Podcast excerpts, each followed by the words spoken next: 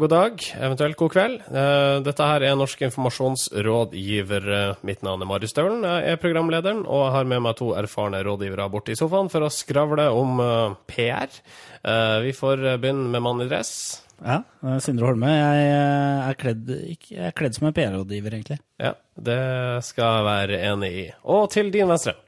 Marius Orkelsen, jeg er kledd som en person som prøver å være PR-rådgiver, men som ikke helt har råd til å kle seg sånn. Jeg skjønner. Litt for dårlig lønn foreløpig, kanskje? Ja. Yep. Hva har dere gjort den siste uka? Siste uka jeg har eh, jeg har eh, kommet over en eh, litt kul bok av en fyr som heter Douglas Rushkoff, som heter eh, The Present Shock. Og han mener at eh, han kom med en påstand om at eh, vi er ikke lenger i eh, Vi klarer ikke lenger å tenke fremover. Altså, vi, vi tenker ikke på fremtiden lenger. Vi tenker at alt skal skje nå, her og nå, og prøver å komprimere alt som skjer i nuet. Det må du nesten gi et eller annet eksempel Ja, på. for det, eh, altså, han eh, drar for eksempel eh, eksempelet med at vi, vi bruker flere skjermer samtidig. Eh, Vi prøver å måte tilegne oss mest mulig informasjon samtidig. Og han, eh, han snakker om at uh, vi lever livet litt som et uh, dataspill. Altså sånn Dataspillene er konstruert nå uh, ved at vi ønsker bare at nåtiden skal fortsette og fortsette og fortsette. og fortsette. Altså Oppdraget blir aldri avslutta. Det er derfor f.eks. Hurtigruta minutt for minutt får lov til å eksistere in this day and age. Ja, ikke sant. Altså, det er jo Bergensbanen minutt for minutt, Hurtigruten osv. Det, det ble en hit, tror jeg, på grunn av at man kunne gjøre noe annet i tillegg. Samtidig. Er du fascinert? Ja, jeg er fascinert av de tankene der, da. Uh, jeg har hatt en uke hvor jeg har uh, stilt spørsmål ved alt. Eh, litt sånn prega av vår, vår gjest forrige sending, uh, Mr. Roland. eh, som vel i sånn essensen Mye av det kom jo også fram i sending, men også, sånn, samtalen vår handlet mer, mye om at alt som Altså hvordan alt er bygd opp nå, er feil. Fordi eh, det er ikke det som det kommer til å være det som Altså måten virksomheter er bygd, opp på, er ikke sånn som vi kommer til å egentlig trenge det fremover. Eh, så jeg brukte en uke hvor jeg egentlig har hatt en sånn liten eksistensiell krise på liksom, hvorvidt eh, der jeg jobber og der jeg handler og uh, der jeg hører på musikk og sykkelen jeg bruker til jobb, er liksom den riktige. Da, fordi jeg tenker at den er bygd på bakgrunn av den industrielle revolusjonen. Eh, og det er ikke det jeg trenger. Så uh, NIR har virkelig fått deg til å tenke. Ja, si sånn. hvem, hvem skulle trodd det? Eh, OK, tusen takk for uh, semi-interessante historier fra deres uh, hverdag. I dagens sending så skal vi bl.a. få høre at to av ti i mediebransjen tviler på sine egne sjefer. Vi skal eh, snakke om automatiske Twitter-utsendelser eh, i krisesituasjoner. Ja vel. Og dessverre skal vi snakke om eh, Justin Bieber, om på et noe metanivå. OK. Eh, da kjenner jeg, når du sier det, så kjenner jeg at jeg gleder meg bare som passe til å sette i gang NIR episode 27. Norske informasjonsrådgivere. Vi starta denne sendinga hos våre venner i pressen. Presseforbundet frykter en utvikling i retning amerikanske tilstander. Per Edgar Kokkvold, som er generalsekretær i Norsk Presseforbund, han er bekymra over at vi nå har 1100 medarbeidere innen kommunikasjon i statstilknyttede virksomheter. Samtidig så er det jo ingen hemmelighet at antallet journalister synker om dagen. Nei, det er helt riktig. Han eh, Kokkvold sier til eh, journalisten at uh, man må ikke glemme at mens en journalist i utgangspunktet er til for å fortelle om og grave fram det ubehagelige i samfunnet, så dreier det seg for den andre gruppen i noen tilfeller om å tildekke, sier Kokkvold. Og det er sånn Den visa der vi har hørt før. Jeg lurer på om han bare har tatt det opp og faktisk avspilt det for journalisten, for den har jeg hørt så mange ganger før. Vi er vant til å være ond, vi. Ja, vi er jo det.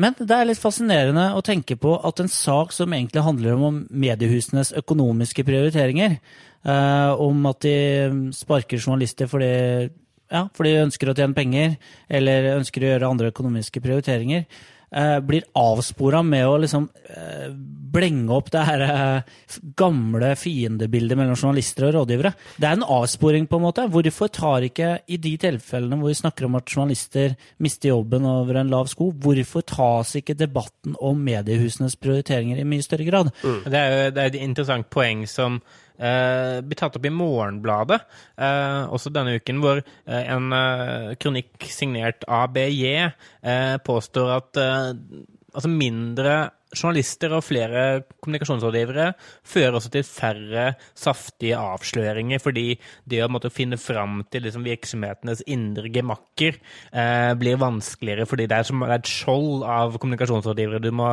grave deg gjennom. Først liksom en juniorkonsulent, og så liksom et par seniorer, og så liksom en direktør på kommunikasjon i tillegg som du må forbi for å finne snusket. Um, og igjen, da, det premisset altså det, det, er sikkert sant så lenge man aksepterer premisset om at kommunikasjonsrådgivere er der for å måtte skjule. I virksomheter som har noe å skjule, så kan du være sikker på at de har hatt mer enn nok kommunikasjonsrådgivere i lang tid allerede. De, ikke, de har ikke plutselig staffa opp nå.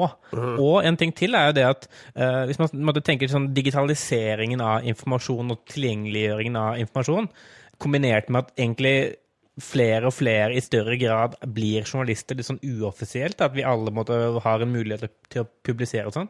Så betyr det at det blir mye vanskeligere og vanskeligere for virksomheter å ikke være transparente og ikke faktisk eh, være eh, gode til å gjøre informasjon tilgjengelig. For det krever vi. Sånn den hele Hennes Maurits-saken eh, med måtte, disse barnearbeiderne synliggjør jo det. hvor måtte, masse, eller mange norske klesprodusenter ble tvunget til å oppgi sine produsenter i u-land i etterkant av det, fordi folk krevde det. Eh, Anna B. Jensen, som har skrevet den her uh, lederen i Morgenbladet, har jo litt rett i én ting. og det Når du sier at uh, færre journalister gjør at flere historier går i glemmeboken, sier hun. Mm.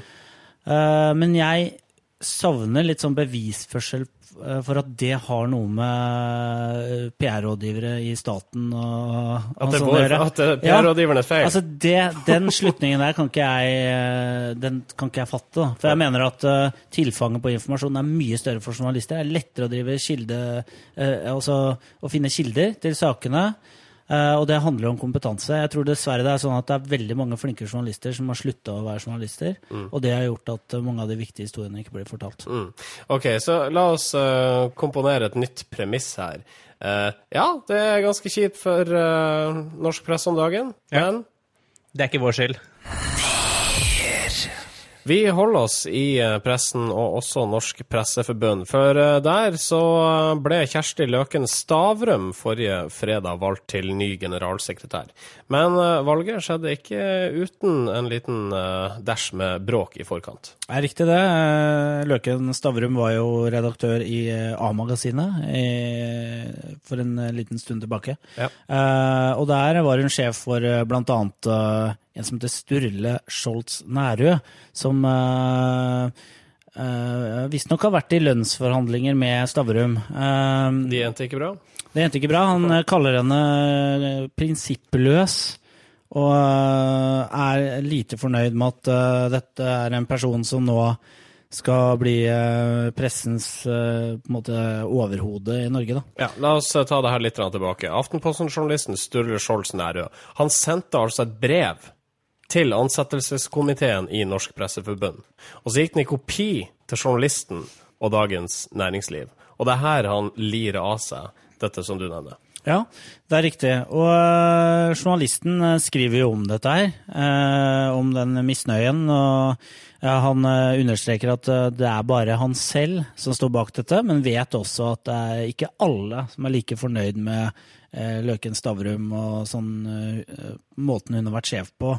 Eh, men jeg syns at eh, Jeg syns det er litt befriende at han eh, gjorde det, faktisk. Fordi jeg syns det er så utrolig sjeldent at journalister tør å si hvordan det faktisk er å jobbe i en avis for tiden. For det er jo en av de bransjene som har opplevd de største omveltningene de siste åra. Altså hvis det er et skogbruk som blir lagt ned, eller en eh, sinkfabrikk i Odda, så får vi jo høre det 1. mai og eh, resten av året, liksom, hvor ille det er å miste jobben. Eh, eller å få kutt i lønna. Eh, mens når journalister mister jobben eller får dårligere arbeidsvilkår, så hører man stort sett ingenting. Men er det hvilke arbeidsvilkårene Skjolds Nerød trekker fram? Han er vel mer bekymra over måten den nye generalsekretæren driver business på?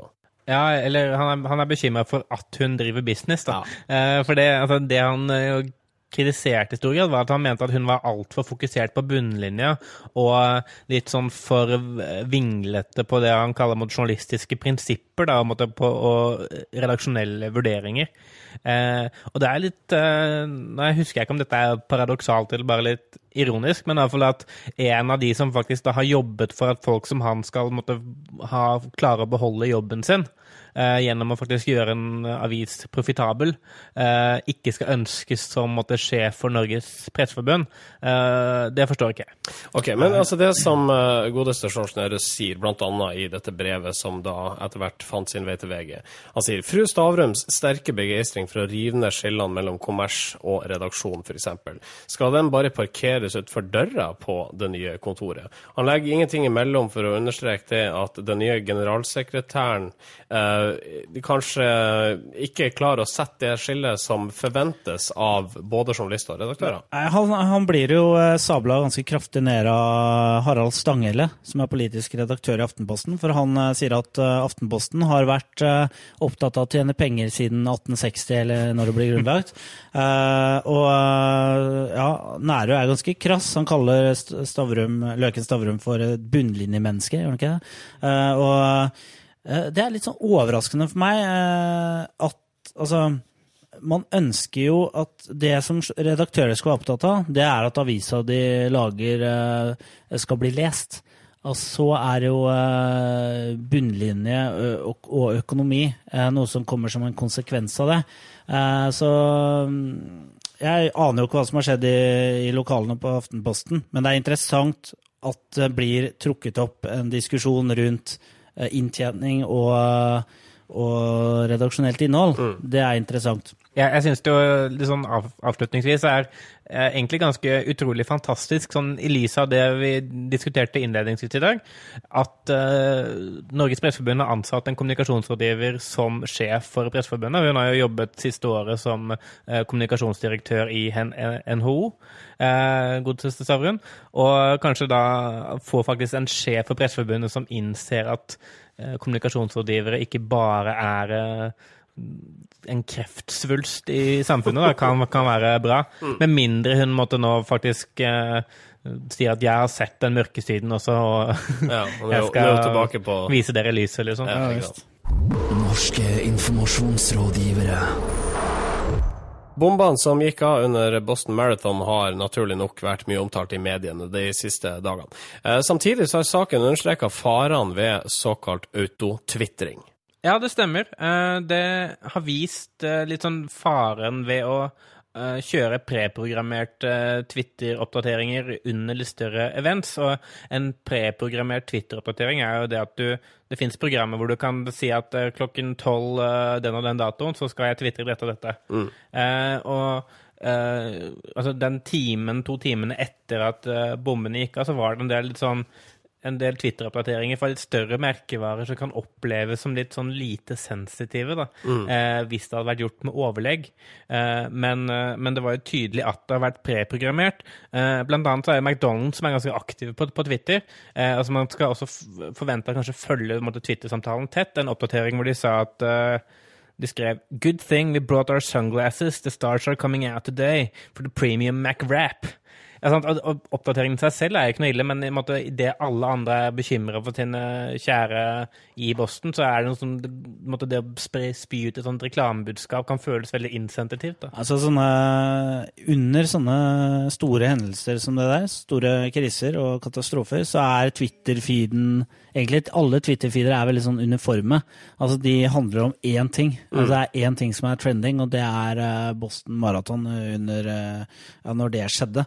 Og Derfor så kommer det så veldig tydelig frem at her er det liksom kynisk budskap uh, som uh, spys ut. Ja, Altså, altså det kan- at det de kan- beskyldes for å hijacke en trend. Altså, det, nei, altså det, kan, det, kan bare, det, det kan bare leses som uh, ufølsomt, da. Mm. Eh, fordi at det er så tydelig annerledes enn det alle andre vil tvitre. Og så er det vel også lett også å, å tro at alt er en metafor eller et bilde på det som akkurat har skjedd. For Ja, eksempel så skrev Daily Mirror på sin Mirror Football-Twitter-konto Keep on running. David Louise urges Chelsea marathon men to drag themselves over finish line.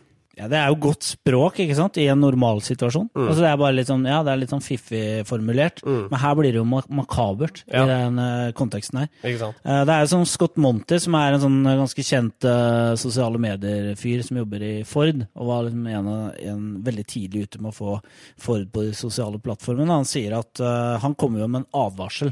At hvis du håndterer kontoer med prefabrikerte tweets, autogenererte tweets, så vær litt eh, obs nå, og, eh, og liksom skjøtt de ned, da. Altså stenge de. Hovedpoenget er at på Twitter så handler 90 på en måte, av tvitringen om kontekst. Da. Alt du skriver, vil alltid måtte tolkes i konteksten til det som skjer på Twitter når du skriver det. Og hvis du da eh, lager tweets som eh, måtte du ikke kan kontrollere konteksten rundt, så står du i fare for å gjøre skade. Da. Mm. Så dette blir rett og slett en advarsel til alle SoMe-ansvarlige der ute som, eh, som også bruker utåtfitring. Jeg vedder på at det også skjer eh, blant norske virksomheter. Garantert. Og mm, som sagt, det er veldig viktig å være klar over eh, faren ved det. Eh, når det er sagt, så, så er det også noen som kan ha nytte av det. Altså Bare det å holde noe oppdatert eh, kan funke, det. Men, men man skal være veldig klar over at man er veldig sånn Da prisgir man seg selv veldig konteksten man, man twitrer i. da. Norske informasjonsrådgivere. Da skal vi eh, nordover i landet, nærmere bestemt til Helgeland Arbeiderblad, der krimjournalist Kristoffer Engås nå nektes å snakke med ansatte i politiet. Avgjørelsen om eh, det, det er det politimester Håvard Fjærli som har uh, truffet. Og journalisten sjøl føler at dette her er et overtramp. Ja, han eh, Engås føler seg trakassert av politimesteren, og det er ikke han eneste som eh, reagerer på dette her. For eh, lederen i Norsk Journalistlag, Thomas Spence, han, eh, han kaller dette for et yrkesforbud. Og en offentlig instans skal, som eh, politiet, det er jo en veldig viktig offentlig instans, de skal være tilgjengelig for kommentarer fra enhver journalist, egentlig. Mm, men hvorfor får ikke Engås snakke med uh, de politiansatte? Hva er Nei. begrunnelsen her? Ja, eh, Politimesteren mener- at Engås eh, omgås eh, småkriminelle. Og han har også hatt eh, Han også blitt fratatt førerkortet. Eh, og han har også fått en bot for uh, hasjbruk. Eh, og så er spørsmålet altså Hvis han har gjort opp for seg, han har betalt boten, skal han da ikke kunne eh, agere som journalist? For det er jo egentlig et ganske interessant dilemma, dette her. Og eh, altså, hvis man leser den, den saken som ble publisert på journalisten.no, eh, så, så virker det jo altså, Sånn som den er vinkla, så vinkler det nesten som om eh, Engås eh, egentlig var litt sånn ute etter politi i Hel Helgeland og gjorde en del sånn kritisk eh, gravning rundt dem. Og så har liksom Helgeland-politiet eh, prøvd å kneble han gjennom å stoppe han uten grunn eh, for fyllekjøring og måtte ta han inn for hasj. Og liksom, altså, de har prøvd å gjøre livet hans surt, da. Eh, men så er det litt interessant hvis man da leser Fordi Hel- Helgeland politidistrikt hadde en eh, Facebook-oppdatering hvor de måtte kommentere denne saken. Da. Ja, for Håvard Fjærli, politimesteren i Helgeland politidistrikt, han sier at det er mer enn disse dommene som du Sindre, refererte til, som ligger bak hans avgjørelse. Uh, I en statusoppdatering på Facebook så sier han uh, blant annet journalisten, uh, altså Engås, har så langt minnet meg på at jeg har taushetsplikt, og at jeg kun er fritatt fra denne for å uttale meg om at han har fått to straffereaksjoner knytta til narkotikamisbruk. Altså det som Engås sjøl forteller eh, blant annet til journalisten.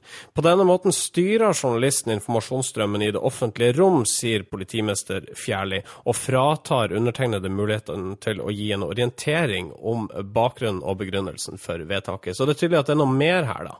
Ja, det, det, det er tydelig, og det er jo en veldig interessant sak, fordi her er det jo journalisten som i stor grad forvalter hva som er sannheten, eh, og nettopp fordi eh, politiet i Helgeland ikke har lov til å uttale seg om det fulle bildet, for selv om eh, journalisten, i dette tilfellet Engås, går vekk fra taushetsplikten, så betyr det ikke at politiet har anledning til å gjøre det samme.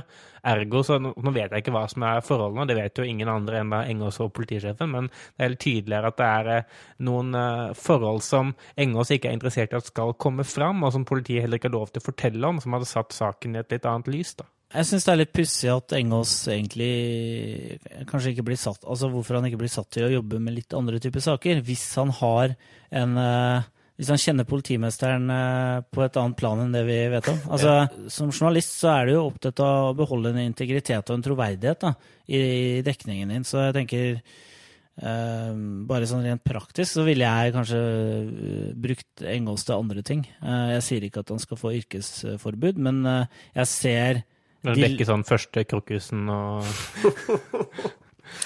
Det er ikke er sikkert han har beef med den lokale kulturhusdirektøren. Kanskje han kan eh, dra inn i den avdelinga. Ja, altså botanikk, det har nå tydeligvis Ja. litt uh, greie på. Vi vil bare understreke nå, som eh, ansvarlig redaktør for NIR, så vil jeg bare understreke at vi tar ikke side i denne saken. Nei, nei. Vi, men vi, vi syns den er veldig interessant, Ja. ja, du kan si det sånn. eh, og vi er spent på fortsettelsen. Ja, absolutt.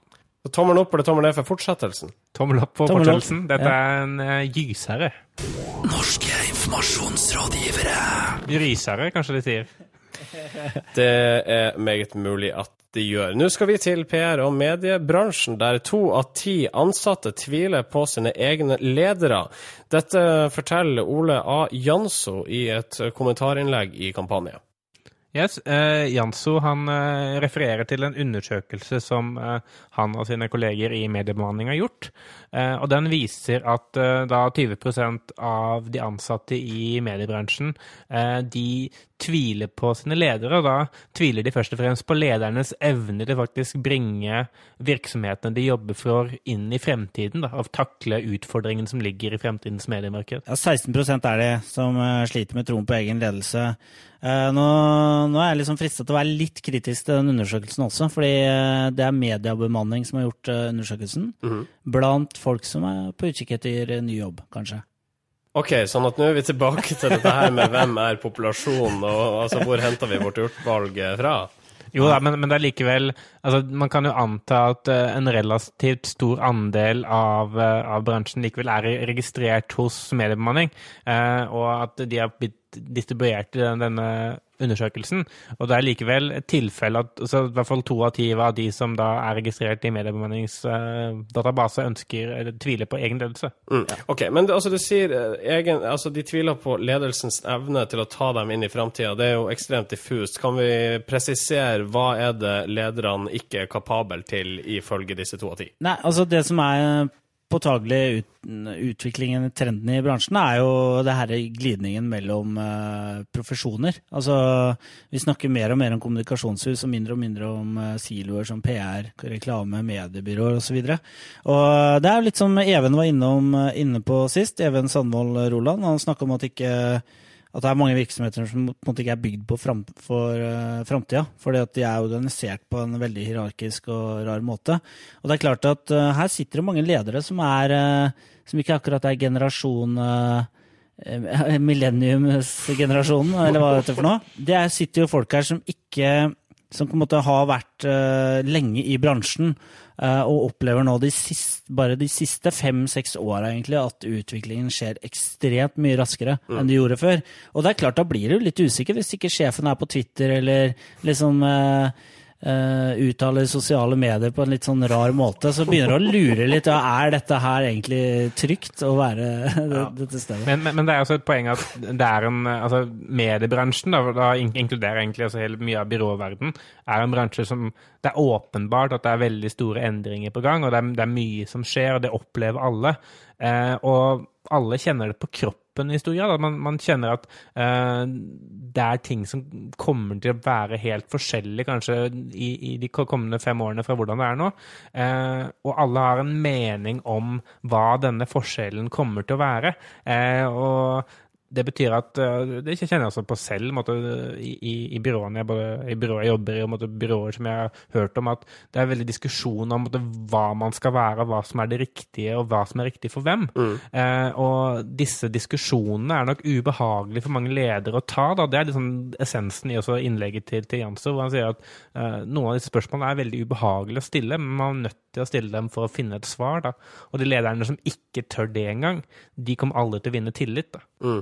Eh, men du kan jo tenke deg da at eh, for en 23-åring som jobber i byrå, eller ta med deg da, Marius, eh, som da er 25, Nesten 26. ja, nesten 26, eh, så har du kanskje hatt en helt annen opplæring enn eh, det som da er din sjef, med tanke på den avstanden det er mellom deres utdanningsløp. Eh, og dermed så vil du sikkert bringe mye nye tanker til torgs, og er det ikke gjerne slik da at hvis man har en haug med ferske hoder uh, som kommer inn i bransjen, så vil de ha helt andre tanker og vil tenke at våre tanker er riktig. Og da sett i lys av den undersøkelsen, kan det ikke være at disse 20% eller 16% da bare er unge jyplinger som kommer inn og uh, tenkte at Jo, min Jo, måte er den riktige, jo, og sjefen vet ikke Jo, men det handler om uh, tilnærming. Altså, du, må ha en, du må ha en sjef som uh, har endringsvilje, da.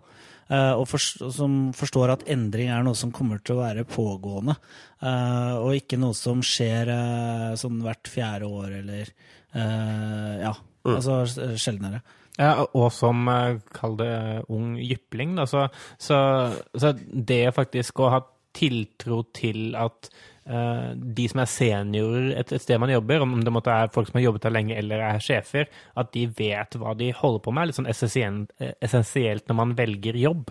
Eh, altså Hvis ikke jeg hadde trodd på det der jeg jobbet, så kunne jeg ikke vært der. For da hadde jeg tenkt at ok, hvis ikke engang de som måtte ha jobbet dette stedet lenger enn meg, kan det vi gjør, så hvorfor i verden skal jeg være her da? Men det kan være at folk også yngre enn deg eh, går rundt med tanke om at eh, måten de har lært ting på, eh, og fordi de har vokst opp med Facebook og Twitter og hva nå enn, eh, så er det den måten som er rett. Jo, jo, men det er det, som er veldig interessant måte, med å ta en utdanning, nå, hvis vi, vi tar det som utgangspunkt, er at teoriene man lærer, eh, altså den akademiske delen av utdanningen, er jo fortsatt bygd på tanker som er mye eldre enn to år gamle, samtidig som man brytes mot mot alle disse endringene man opplever nå i, i nåtid.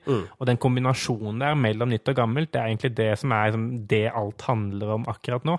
Og det er faktisk da ta vare på de som nå kommer ut av BI og Volda og Leeds University, eller hvor enn de kommer fra. De, altså det å ta vare på de og ta de inn og høre på dem, det tror jeg er mye av kjernen i faktisk lykkes. da. Ja, eh, det er, det er jeg helt enig i. Det, det, det må kombineres med en måte bevissthet rundt histo, historikk. Da. Altså, historieløshet og teknologioptimisme er en skummel kombinasjon som, som mange mennesker, unge mennesker kanskje sitter med. Mm. Skal vi gi en tommel opp eller tommel ned for at um, 16% av uh, de ansatte i mediebransjen setter spørsmålstegn ved sine lederes evne til å håndtere framtida? Tommel opp. Tommel opp. Norske informasjonsrådgivere. Da skal vi snakke om eh, saken som virkelig har dominert nyhetsbildet den siste uka, nemlig at uh, guttestjerna, uh, eller popidolet Justin eh, Bieber, har gjort tre konserter i Telenor Arena. Dette har selvfølgelig påvirka nyhetsbildet, eh, og eh, stort sett hver dag så har det vært opptil flere saker om eh, dette ungpikeidolet i alle aviser. Ja, men eh, må vi snakke om det nå? Vi trenger, vi trenger ikke å prate om det strengt tatt. Vi, vi kan droppe det. Kjempebra. Tommel opp. Ni av ti nordmenn elsker Et representativt utvalg av nordlendinger viser at Sørlendinger mest skeptisk til Volvo. hordalendinger best i senga. Kvinner mest opptatt av mild. Oppland på brokkolitoppen. Ukas undersøkelse. Hjertelig velkommen til den nye spalten Ukas eh, undersøkelse. Jeg vet uh, ingenting om denne spalten. Eh, nei, som, eh, som redaksjonssjef så følte jeg at det var på tide med litt fornyelse. Eh, så jeg foreslått bl.a. denne spalten. Dette er da Vi skal gå gjennom alle de PR-initierte undersøkelsene fra uka som har gått, og kåre ukas undersøkelse. Ja, for uh, undersøkelse er et populært uh, kommunikasjonsfaglig grep rett og slett fordi at undersøkelser har høyt gjennomslag i pressen. Ja, eh, journalister elsker undersøkelser. Så hvis du har en undersøkelse som viser at eh, noen er mer opptatt av noe enn noen andre, Ja. eh, så får man ofte oppslag på det. Altså, Journalister er jo generelt ganske dårlige i matte, eh, så de får veldig god samvittighet hvis de får servert noen tall som de kan presentere på en enkel måte, eh, og som de forstår. Eh, sånn som for eksempel ni av ti. Én av ti, to av fem osv. Det er sånn de forstår, men skal altså, nå begynner med litt mer sånn ja, litt, 33 da, eller 33,3% for eksempel. Da blir det verre. Men Så skal ikke jo du enklere- være ja. for nærhetsbasert uh, der du sitter? For vi har nettopp i en tidligere sak referert til en undersøkelse der to av ti ikke hadde tillit til sjefen sin. En undersøkelse fra mediebemanning som da var spilt inn til en rekke Ja. Vi er jo litt sånn sjøl. Ja, vi er det. Marius, du har funnet fram til et knippe PR-initierte undersøkelser. Hva har du til oss? Eh, Det skal sies at uh, mediesøket mitt avdekket at det var uh, 17 ulike PR-initierte undersøkelser den siste uka. Det er jo en pressemelding i seg sjøl, det. Det er faktisk Det er helt sprøtt. Ok, Eh, Er det en topp tre her, eller hvordan er det? Ja, fall, eh, jeg har tre, da. Og så kan vi kanskje diskutere litt hva som er topp tre. Og den første den er utført av uh, Oslo Handelsstandsforening. Uh, og den viser at uh, byfolk har fått nok av tigging. Eh, I en undersøkelse da gjennomført av OHF eh, så kom- kommer det frem at tre av ti finner tigging som et av de største irritasjonsmomentene i eh, bylivet. Hvem er OHF? Altså Oslo Handelsstandsforening. Ja. Kanskje ikke så veldig overraskende at de gjør en undersøkelse på det, eh, men tre av ti, er det veldig høyt? Nei, nok til en eh, mediesak med det som vinkling. Jeg tror faktisk jeg leste den saken. Eh, og det som var interessant der, det var at de hadde ikke spurt dem om tigging irriterer. De hadde spurt hva irriterer. Og Ja, da var det 30 mest? hadde oppgitt tigging. Ja, okay. sånn, Søppel, tigging, Ja. nordlendinger altså, Syklister altså Alt som kan eh, virke irriterende. OK. Eh, du har en til? Ja, det stemmer. Eh, Det er en nærings-slash-handelsstandsforening til som har vært ute og skodd seg. Eh, Dette er sånn næringsforeningen i Tromsø som har kommet fram til det ganske lite oppsiktsvekkende funnet at ni av ti tromsøværinger tar bilen for å handle. Fikk de presset på det? Ja, ja. Ni av ti tromsøværinger tar bilen til butikken. Dette er altså da i Tromsø. Avisa Nei, Tromsø? nei, Nordlys. Beklager. Å ja, OK. Og du har enda en til. Den siste den er eh, gjennomført for eh, rørleggerkjeden Varme og Bad. Og den viser at 45% har sparedusj. Ja, men, men, eh, men du sier ikke noe om eh, hva det her skal underbygge. Altså, hva er liksom budskapet til Handelsstandsforeningen i Tromsø, f.eks.? Hva er det at bil er viktig? Nei, det, det, det er sannsynligvis det at det er mange uh, Som kjører bil til butikken. Det vet vi jo. For det skal jo sies at når man sender til pressemelding, så ligger det som oftest en eller annen interesse i budskapet bak. Uh, og jeg tror vi har diskutert det NIR før. Altså dersom du lager en pressemelding som eh, der du ikke får det resultatet du ønsker i undersøkelsen du har gjennomført, så blir heller ikke pressemeldinga sendt ut. Så det ligger noen interesse bak, i at, eh, bak at f.eks. 45% bruker sparedørs. da. Nei, det er bare det at eh, det er et voksende marked for sparedusj, og flere bør vurdere det, for det er et godt alternativ Ja. til vanlig dusj. Ja. Det, Og Varme Bad installerer tilfeldigvis eh, sparedusj. det gjør det, ja. Ja. ja. Telefonnummeret er oppgitt. ja, nei, det er faktisk ikke oppgitt, men, eh, men det er tydelig at, at det er noe de syns var viktig å få frem. Eh, og i denne tiggesaken så er det helt tydelig at her er det noen som ønsker et, eh, et politisk utspill om tigging. For altså, vinklingen i saken, altså byfolk har fått nok av tigging. Eh, og det er kanskje en mer sånn eh, ønsker å påvirke noe sånn lovgivende på en eller annen måte. Eh, og Tromsøværingssaken så er det ikke noe Altså, det eneste sitatet i, i den saken er eh, at de ser også at det er flere som handler på kveldstid enn på dagtid i ukedagene. De har, hadde egentlig mest lyst til å få en pressemelding på trykk. Ja, det Så tror jeg. de- Ja, Det var ikke noe mer plan bak det enn som Nei, så. nei, Og de fikk til og med tid i NIR, så gratis med det.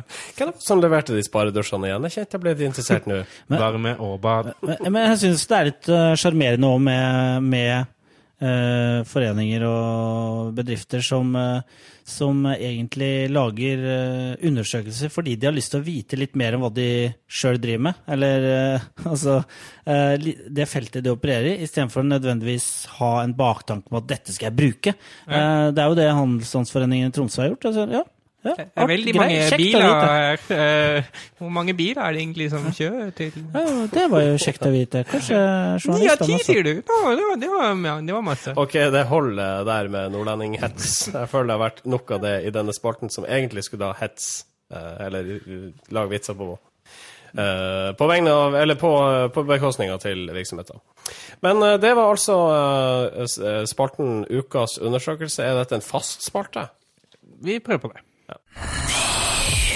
Ukas kudos. Kudosen denne uka går til den franske, hippe og kule gruppa Daft Punk.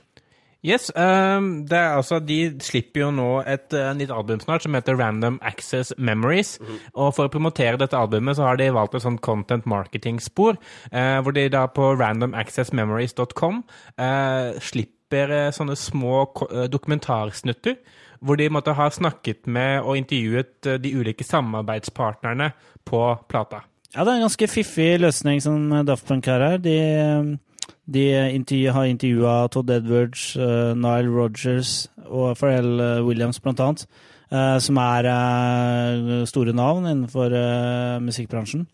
Eh, og egentlig dokumentert på den måten dokumentert prosessen med plata og jobben forut for eh, utgivelsen. Mm. Og, og, og så gjør de på en måte kombinert med at de har sluppet noen singler, sånn som denne dokumentaren med Pharrell Williams ble sluppet samtidig som den nyeste singelen som også er med da eh, Pharrell Williams. Og de får på en måte vise fram musikken sin i en litt sånn ny setting og på en måte som er veldig interessant for fansen. Da. Og det er veldig sånn tydelig på at her er det fansen vi først og fremst skal pleie. Det er ikke alle disse nye som aldri har hørt eh, Daft Punk før, men det er veldig sånn gave for fansen. Er riktig. Eh, har dette trenda på Twitter?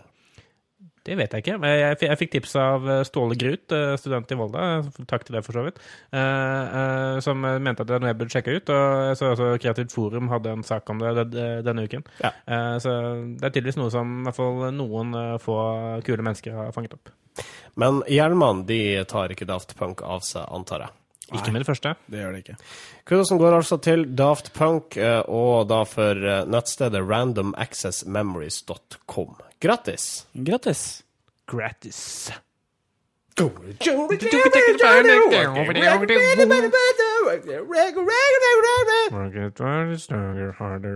Norske informasjonsrådgivere. Dagens sending går mot eh, slutten. Dere som hører på, vet ikke det, men vi har holdt på i to timer for å produsere det som jeg antar er et sted mellom 30 og 35 minutter med stoff til dere.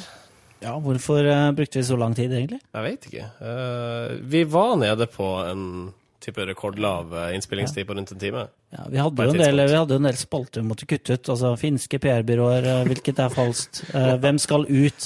Danske mediebyråer osv. I, i på denne dag i PR-bransjen i Italia i 95. Ja, Det har vi kutta ut i hver sending, Ja.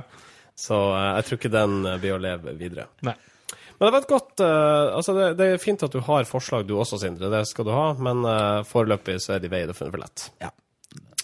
Husk at du uh, gjerne må følge oss på Facebook. Facebook.com slash Nearcast hvis du foretrekker å sende oss en e-post. For nå er det det gamle formatet, så send du den til. Nearcast at yahoo.com. Du abonnerer gjerne på oss i iTunes. Vi setter også veldig pris på tilbakemeldinger der. Det er veldig kult med flere rates. Absolutt. Eh, Vi har fått noen gode rates. Eh, De kan umulig være representative for dere alle, så alle dere som er negative, Ja. kom dere inn, skrin noe dritt. Eh, hvis du ikke ønsker å bruke iTunes, så er vi også tilgjengelig på Soundcloud. Soundcloud.com slash Nearcast. Og mitt navn er som vanlig Marius Skjerve Staulen. Sindre Holme.